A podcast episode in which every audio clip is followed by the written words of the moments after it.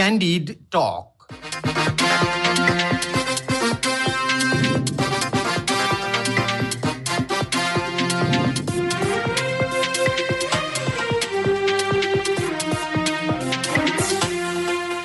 नमस्कार क्यान्डी टकमा तपाईँलाई स्वागत छ। म धीरज बस्नेत। रेडियो क्यान्डिडको प्रस्तुति कार्यक्रम क्यान्डी टक तपाईँले शनिबार बाहेक हरेक दिन बिहान साढे छ बजेबाट सात बजेसम्म आधा घन्टा सुन्दै आइरहनु भएको छ।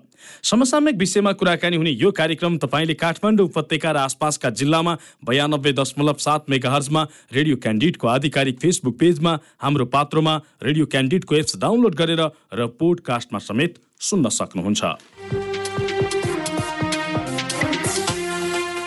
स्थानीय तहका नयाँ जनप्रतिनिधिको पाँच वर्षे कार्यकाल आजबाट सुरु हुँदैछ। दुई हजार चौहत्तरमा निर्वाचित जनप्रतिनिधिको कार्यकाल गैराती अर्थात् मध्यरातीबाट सकिएको छ। दुई हजार सात सय त्रिपन्न पालिका मध्ये अहिलेसम्म करिब छ सय तिन पालिकाको गैरातीसम्म अन्तिम मत परिणाम सार्वजनिक भए अनुसार काङ्ग्रेस चौवालिस एमाले अठाइस माओवादी केन्द्र सत्र प्रतिशतमा सत्र प्रतिशत हाराहारी उनीहरूले जित हासिल गरेका छन्। यो मत परिणामलाई सरसर्ती हेर्दा अघिल्लो पटक एमाले जुन स्तर कायम गरेको थियो यसपटक उसको स्तर निकै खस्किएको देखिन्छ जम्मा अठाइस प्रतिशत स्थानमा मात्रै उसले जित हासिल गरेको छ। एमाले निर्वाचन अघि जुन खालको विश्वास लिएको थियो र जसरी जित हासिल गर्ने दावी गरिरहेको थियो त्यो अनुसारको परिणाम किन आउन सकेन? एमाले किन यसरी खस्कियो स्थानीय तहको निर्वाचनमा? यसै गरी संसद लगातार अवरुद्ध गर्दै आएको नेकपा एमाले के त्यस्ता सम्झौता भयो जसका कारणले गर्दाखेरि ऊ अकस्मात बिना शर्त भन्दै संसद खोल्न राजी भयो? यी र यस्ता विषयमा आज हामी विशेष कुराकानी गर्दैछौँ नेकपा एमालेका प्रमुख सचेतक विशाल भट्टराईसँग। भट्टराईज्यू यहाँलाई स्वागत छ क्यान्डी टकमा। धन्यवाद। सबैभन्दा पहिला चाहिँ स्थानीय तहको जुन निर्वाचन भएको छ र जस्तो परिणाम आएको छ त्यसको अलिकति समीक्षा गरौँ। यसलाई सरसर्ती कसरी हेरेको छ नेकपा एमाले र तपाईँले व्यक्तिगत रूपमा कसरी हेर्नु भएको छ? स्थानीय तहको निर्वाचन धेरै ठुलो दबाव र धेरै ठुलो कष्टका बिचमा सम्पन्न भयो। अहिलेको सत्तारूढ गठबन्धन जो असार अठाइसको सर्वोच्च अदालतको अप्राकृतिक र असंवैधानिक फैसलाबाट सिर्जना भएको थियो। यो अहिले निर्माण भएको जबरजस्त निर्माण गरेको र एमालेका विपक्षमा खडा गरिएको गठबन्धनले चुनाव गर्न बिल्कुलै चाहेको थिएन। पहिला संसदको चुनाव त्यसपछि मात्रै स्थानीय तहको निर्वाचन सम्पन्न गर्ने उसले सार्वजनिक रूपमै अभिव्यक्ति दिएको थियो। उसको मनसाय अहिले यो बेला चुनाव गर्ने बिल्कुलै थिएन। धेरै ठुलो दबावपछि चुनाव सम्पन्न गर्न ऊ तयार भयो। र दुइटै पाटोबाट यसलाई हेर्नुपर्छ त्यो के हो भने हामीले परिणाम हाम्रा पक्षमा आउँछ या आउँदैन भन्दा पनि उनासी सालको जेठको पाँच गते राति बाह्र बजेबाट चौहत्तर सालमा निर्वाचित भएका सबै जनप्रतिनिधिहरूको कार्यकाल समाप्त हुन्छ र भोलिपल्टबाट हामीले नयाँ जनप्रतिनिधि मुलुकमा निर्वाचित गरेर पदस्थापन गर्नुपर्छ भन्ने मान्यतालाई सशक्त रूपमा उठाएका थियौँ। आखिरमा त्यो मान्यताले जित्यो। एमाले परिणाममा कति सन्तुष्ट असन्तुष्ट त्यो आफ्नै ठाउँमा छ तर एउटा कुरा नि तपाईँहरूले यसो भन्दै गर्दाखेरि अब जहाँसम्म परिणामको कुरा छ। परिणामलाई दुइटै पाटोबाट हेर्नुपर्छ। एउटा एमाले चुनावमा हामी चालिस प्रतिशत निर्वा सिटमा जित्छौँ भन्ने हाम्रो चाहिँ आन्तरिक ठम्याइरहेको थियो। बाहिर हामीले चुनावमा उत्साह भर्न अरू कुराहरू पनि भन्यौँ तर पनि मुख्य कुरा हाम्रो आन्तरिक मूल्याङ्कन र हाम्रो आत्मगत शक्ति वस्तुगत शक्तिको हिसाबले भन्ने हो भने हामी चालिस प्रतिशत सिटमा विजय प्राप्त गर्छौँ भन्ने ठम्याइ थियो। तर हामीले अहिले हेर्दाखेरि झन्डै तिस प्रतिशतको हाराहारीमा चित्त बुझाउनु पर्ने अवस्था देखिँदैछ। तर अर्को पाटोबाट तपाईँले यसलाई हेर्नुभयो भने सत्तारूढ गठबन्धनका नेताहरू हामी सबै ठाउँमा सात सय त्रिपन्नै ठाउँमा हामी मिल्छौँ। हामी जम्मै एक ठाउँ भेला हुन्छौँ र एमालेलाई पत्ता साफ गर्छौँ एमाले सिद्धिन्छ एमाले जिरो हुन्छ भन्ने उहाँहरूले सार्वजनिक रूपमा पनि भन्नुभएको थियो।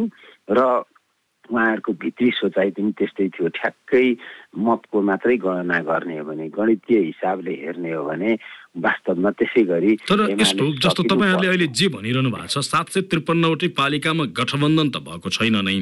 त्यसो त तपाईँहरूले पनि विभिन्न दलहरूसँग आड र सहारा खोजेको देखिन्छ नै।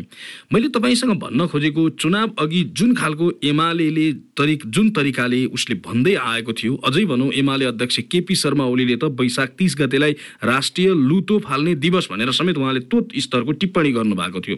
तपाईँहरूले जुन खालको ढाडस र जुन खालको रवाफ देखाउनु भएको थियो मत परिणामले त्यो खालको तपाईँहरूको अब चाहिँ रहेन है स्थिति भन्ने त देखायो नि त्यो कुरा तपाईँहरू स्वीकार्नुहुन्छ कि हुन्न? निर्वाचन परिणाम चाहिँ हामीले अपेक्षा गरेर अनुरूपको नआएकै हो त्यो कुरा हामीले पटक पटक चाहिँ भनिराखेकै छौँ। हामीले अपेक्षा गरेको तुलनामा निर्वाचन परिणाम हाम्रो पक्षमा अलिकति कमै आएको हो। तर त्यो बेलाको परिस्थितिको कुरा गर्दा सबैतिर हाम्रा विरुद्धको गठबन्धन सबै ठुला ठुला पार्टीहरू भएकाहरू एक ठाउँ उभिएर चाहिँ हाम्रा विरुद्ध गरेको प्रतिस्पर्धा र सँगसँगै के हो त भने हामीले यो तिन वर्षको बिचको अवधिमा खास गरी दुई हजार पचहत्तर सालको जेठ तिन गते पछि हाम्रो पार्टी माओवादी केन्द्रसँग एकता गरेपछि एक किसिमको ठहरावमा गतिहीन अवस्थामा थियो। पार्टीलाई हामीले सुसङ्गठित र सुव्यवस्थित गर्न सकेका थिएनौँ। जसले गर्दाखेरि हाम्रा पार्टीका सबै खाले सङ्गठनहरू डिफङ्क थिए। बल्ल बल्ल हामीले जब अठहत्तर सालको सर्वोच्च अदालतको उसको फैसला पछि नेकपा एमाले अलग पार्टीको रूपमा अस्तित्वमा आएपछि बल्ल हामीले अलिकति व्यवस्थित गर्न प्रयत्न गऱ्यौँ। थोरै समय हामीले व्यवस्थित गऱ्यौँ र केही असाध्यै नकारात्मक कुराहरू त्यस बेला हाम्रो पार्टीभित्र पनि देखा परे जसले गर्दा हामीले सङ्गठनलाई अझै व्यवस्थित गर्न सकेका थिएनौँ। यस्तो बेलामा तिनवटा कुराहरू एउटा हामी अझै सम्हालिन व्यवस्थित हुन नसकेको अवस्था दोस्रो महागठबन्धन तयार गरेर हाम्रा विरुद्ध योजनै हाम्रा विरुद्ध लाग्ने योजनै हामीलाई हराउने।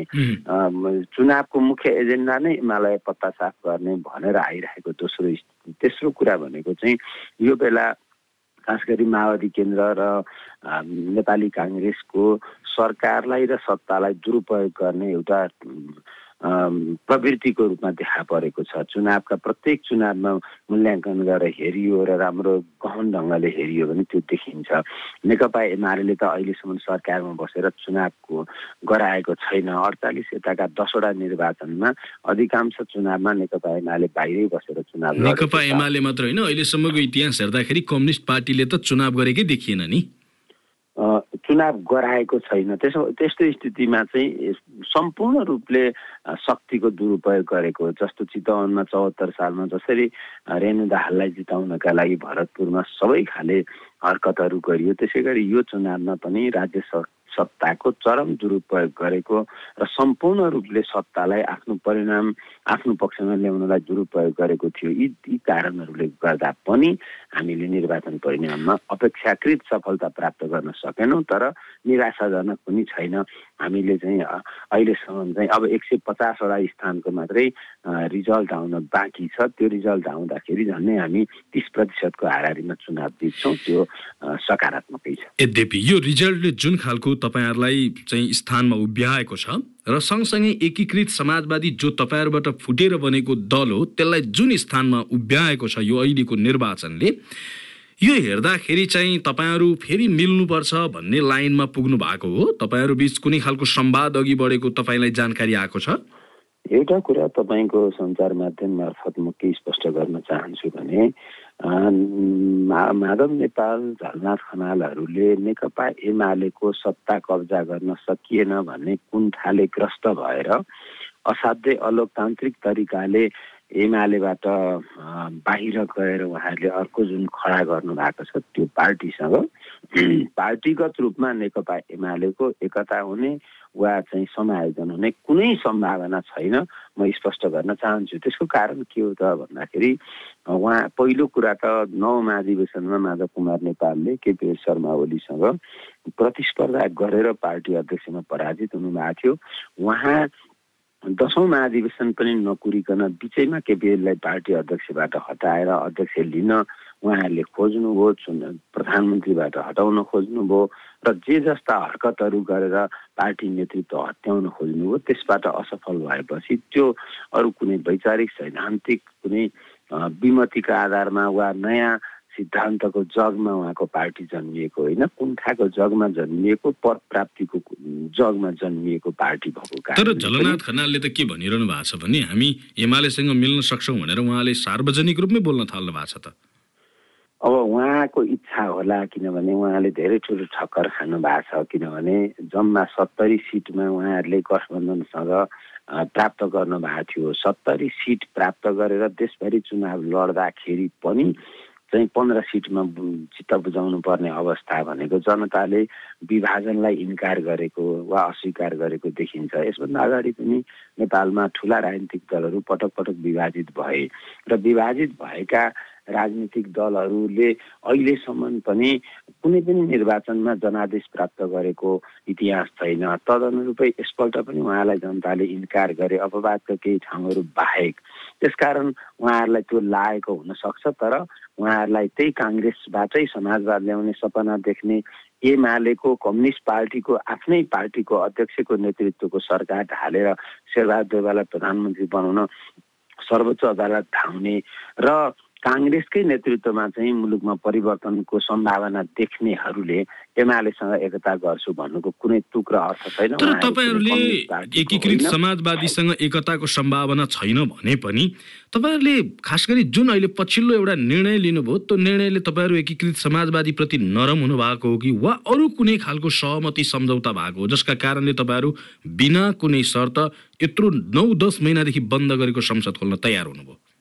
पहिलो कुरा त म तपाईँलाई के स्पष्ट गर्न चाहन्छु भने नौ दस महिना होइन हामीले जम्मा पच्चिसवटा बैठकमा हाम्रो पार्टीको तर्फबाट बैठक कतिवटा बसो यो छोडिदिउँ तर गएको भदौ महिनादेखि तपाईँहरू निरन्तर रूपमा संसदमा अवरोध कायम राखेको दिन पनि नबसेको दिन पनि हिसाब गरेर एमाले धेरै नै बैठक रोको भनेर तपाईँले हिसाब गर्दा त तपाईँ घन्टा मिनट सेकेन्ड पल्समा हिसाब गरेर यति करोड सेकेन्ड अवरुद्ध गरौँ भन्नुभए पनि हुन्छ त्यसले हामीलाई केही फरक पर्दैन तर जम्मा पच्चिसवटा बैठक उहाँहरूले बोलाएका बैठकमा हामीले विरोध जनाएका हौँ। भन्नुहुन्छ नबोलाएको दिनको बैठक पनि एमाले रोकेको भन्नुहुन्छ भने पनि मेरो भन्नु केही छैन तर त्यसमा तपाईँहरूको नियत के हो भन्ने कुरा त्यसबाट प्रष्ट हुन्छ। यदि चाहिँ तपाईँहरू सकारात्मक रूपमा यसलाई सोच्नुहुन्छ भने एउटा राजनीतिक पार्टीले आफ्ना पार्टीका जनप्रतिनिधिलाई कारवाही गरेर निष्कासन गरेको चाहिँ सूचना टाँस्ने आफ्नै एउटा फगत सानो कर्तव्य पुरा नगर्ने सभामुखलाई तपाईँहरू के भन्नुहुन्छ? अधिकारै दिएको छैन त्यो रोक्ने तर उहाँले त्यसलाई रोकेर नेकपा एमाले विभाजनको मतियार बन्नुभयो। अनि त्यसप्रति पनि एमाले सरल र बसेर स्वीकार्नुपर्छ र यो घोर पूर्वाग्रह हो त्यस कारणले गर्दा सबभन्दा पहिले यो पूर्वाग्रहबाट मुक्त हुन म आग्रह गर्न चाहन्छु। हामीले के भन्यो भन्यौँ भने हामीले जे जुन राजनीतिक दलको अस्तित्वलाई चाहिँ इन्कार गर्न भनेका थियौँ त्यो इन्कार गर्नका लागि हामीले सबै विधिहरू अप्नाएका छौँ हामीले लेखेर दिएका छौँ। सहमुखले त्यो गर्नु भएन त्यसपछि सहमुख कर्तव्य विमुख हुनुभयो हामी सर्वोच्च अदालत गयौँ। सर्वोच्च अदालतले त्यहाँ बसेका केही न्यायाधीशहरू जसको नियत नै नेकपा एमालेलाई प्रत्येक मुद्दामा हराउनु छ ती नियत बोकेका मान्छेहरूले चाहिँ त्यो मुद्दालाई चाहिँ जब फैसला गर्ने दिन नै प्रधान न्यायाधीशका विरुद्ध चाहिँ महाभियोग लगाएर हटाउने काम गरियो त्यति मात्रै होइन। यो सत्ताको चरम दुरुपयोग र यो गठबन्धनको चरम दुरुपयोगको शिकार सर्वोच्च अदालत समेत भयो। सर्वोच्च अदालत यति विधि विवादित र यति विधि गुटबन्दीले असर गरेको नेपालको इतिहासमा अहिलेसम्म थिएन। यही हाम्रै मुद्दाका कारणले पनि यस्तो हुन गयो। हामी सबैले देखि देखिरहेका छौँ। यस्तो खालको एउटा चाहिँ सुनियोजित षड्यन्त्रका बिचमा नेकपा एमाले सबै विधिबाट चाहिँ यो गैर कानुनी असंवैधानिक क्रियाकलाप एउटा राजनीतिक पार्टीले आफ्ना जनप्रतिनिधिलाई कारवाही गर्न पाउँदैन र त्यो कारवाही गरेका मान्छेहरूलाई राखेर पार्टी विभाजनको प्रक्रिया पुर्याइन्छ। त्यति मात्रै होइन।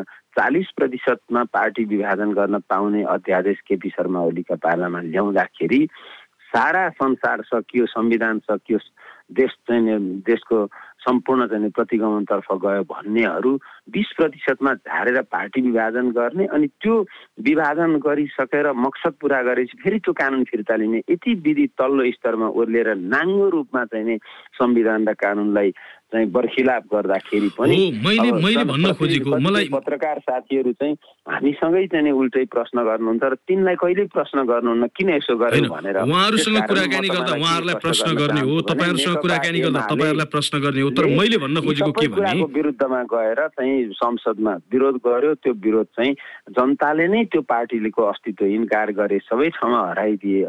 भनेपछि अब हामीले त्यसमा किन बहस गरिरहनु पर्ने भनेर हामीले संसद चाहिँ खोल्यौँ र अर्को कुरा संसदमा सार्वजनिक रूपमा उठेका कतिपय मुद्दाहरू देशका अन्य व्यथितिहरूका मुद्दाहरू उठाउनका लागि पनि हामीले संसद खोलेको यसमा कुनै कसैप्रति नरम वा कडा हुनेको उद्देश्य होइन। हो मैले तपाईँले जति पनि पृष्ठभूमि बाँध्नुभयो मैले भन्न खोजेको जसले तपाईँहरूको पार्टी फुटाउनका लागि मतियारको भूमिका खेलो भन्ने जसलाई आरोप लगाउनु भएको छ जो यो संसदमा रहेसम्म हामी त्यो संसदमा बस्दै बस्दैनौँ भनेर तपाईँहरू त्यो चाहिँ छोइ छिटो खालको जुन व्यवहार गर्दै आउनु भएको थियो ती मान्छेप्रति एकाएक नरम त्यत्तिकै हुन्छ र भने।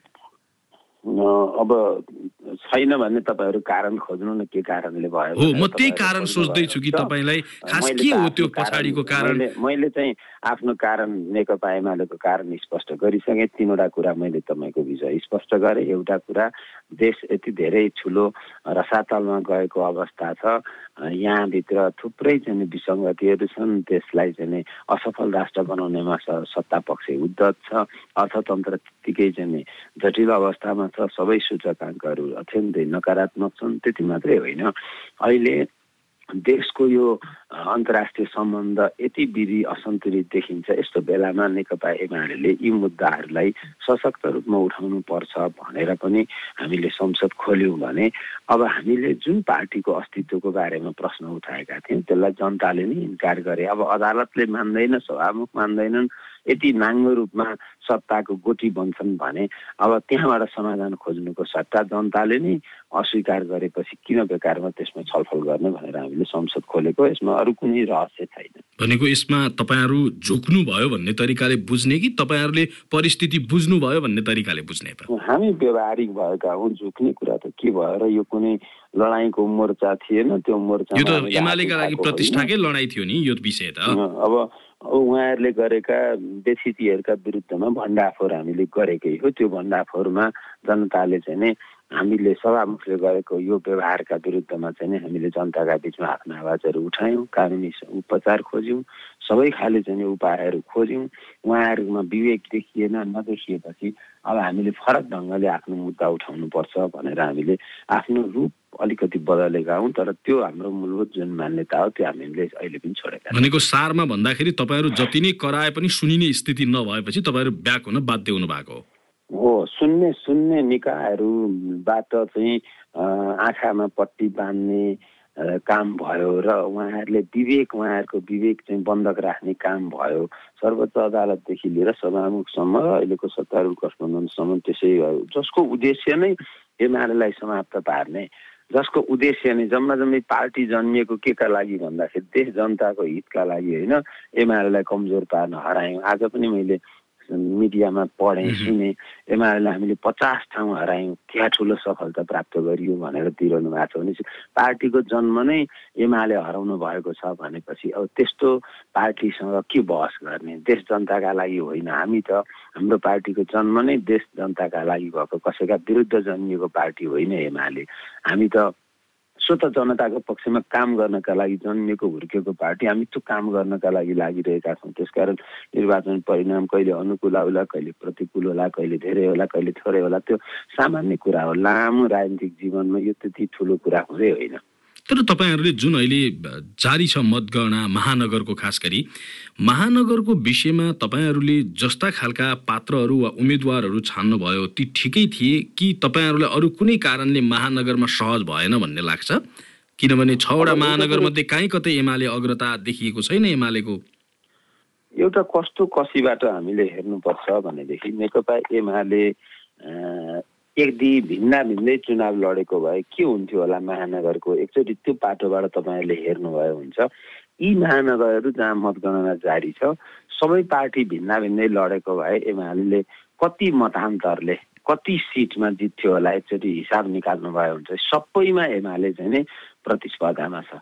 चाहे पोखरा भन्नुहोस् चाहे वीरगञ्ज भन्नुहोस् चाहे चाहिँ काठमाडौँ भन्नुहोस् चाहे वीरगञ्ज भन्नुहोस् चाहे के बुटवल भन्नुहोस् जहाँसुकै महानगर उपमहानगरमा अब सबै एकै ठाउँ भेला भएर आइसकेपछि हामी चाहिँ निकटतम प्रतिद्वन्दी सबै ठाउँमा छौँ मतगणनामा हामी सबै ठाउँमा दोस्रो भइरहेका छौँ।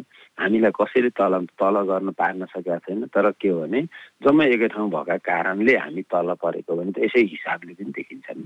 होइन तल पर्नको लागि त अरू दलै छैनन् नि त। जस्तो भएका ठुला दलहरू एक ठाउँ भए अर्को तपाईँहरू एक ठाउँ भए त अर्को तेस्रो को आइदिने हो र? हो त्यही भनेको मैले। हाम्रा विरुद्ध जम्मै एकै ठाउँ भइसकेपछि पनि हामी चाहिँ दोस्रो त पनि निकटतम प्रतिद्वन्दी छौँ नि। कडै प्रतिस्पर्धा गरेको ती सबै ठाउँमा चुनौती कसले दिएको छ भन्दाखेरि त एमाले दिएको छ नि। एमाले कमजोर भएको भए उहाँहरू जम्मै एकै ठाउँ हुनुहुन्थ्यो होला। एकछिनलाई मानव काठमाडौँमा चाहिँ माओवादीलाई पनि जित्छु भन्ने लागेको भए काङ्ग्रेस पनि म जित्छु भन्ने लागेको भए मिल्नुहुन्थ्यो र उहाँहरू। लागेन नि त एमालेसँग हामी सक्दैनौँ भन्ने लाग्यो खुलेआम बोल्नुभयो उहाँहरू। अरू अरू महानगर अरू नगरहरूकै कुरा चाहिँ त्यही त हो। उहाँहरू चाहिँ हामी सिङ्गल लड्दा जितौँ भनेपछि जम्मै भेला हुनु भएको होइन र त्यो त स्पष्टै छ। त्यसो भएको हुनाले चाहिँ यहाँको मतको कुरा गर्नुहुन्छ भने एमाले मतमा तल छैन। अहिले देशभरि नै मतका हिसाबले एमाले अगाडि नै छ। सिटका हिसाबले अलिकति अब सबै एकै ठाउँ भएको कारणले गर्दा अलिकति तल पर्यो बेग्लै कुरा।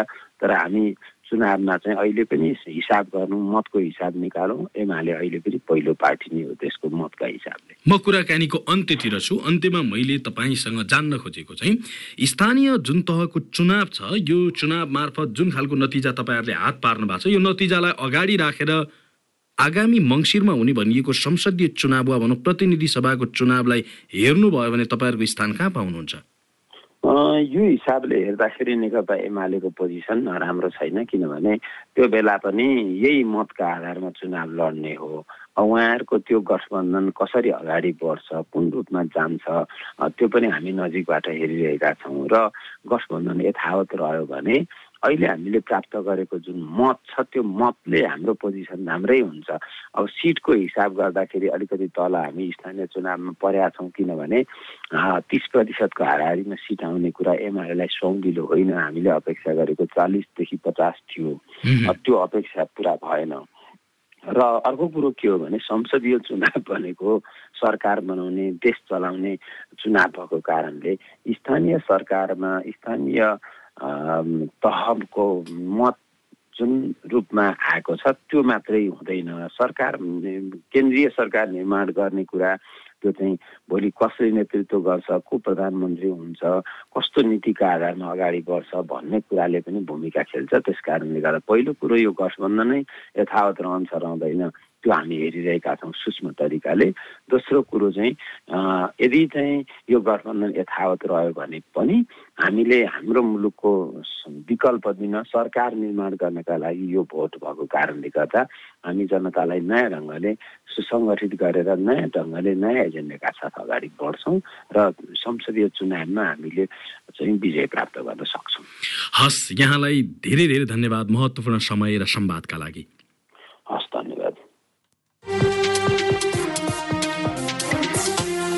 आजको कार्यक्रममा नेकपा एमालेका प्रमुख सचेतक विशाल भट्टराईसँग कुराकानी गर्यौं हवस् त क्यान्डिड टकको यो अङ्क आजलाई यति नै। प्रविधि संयोजनका लागि सृजना भुजेललाई धन्यवाद। कार्यक्रमबाट म धीरज बस्नेत विदा माग्छु। रेडियो क्यान्डिड सुन्दै गर्नुहोला। नमस्कार।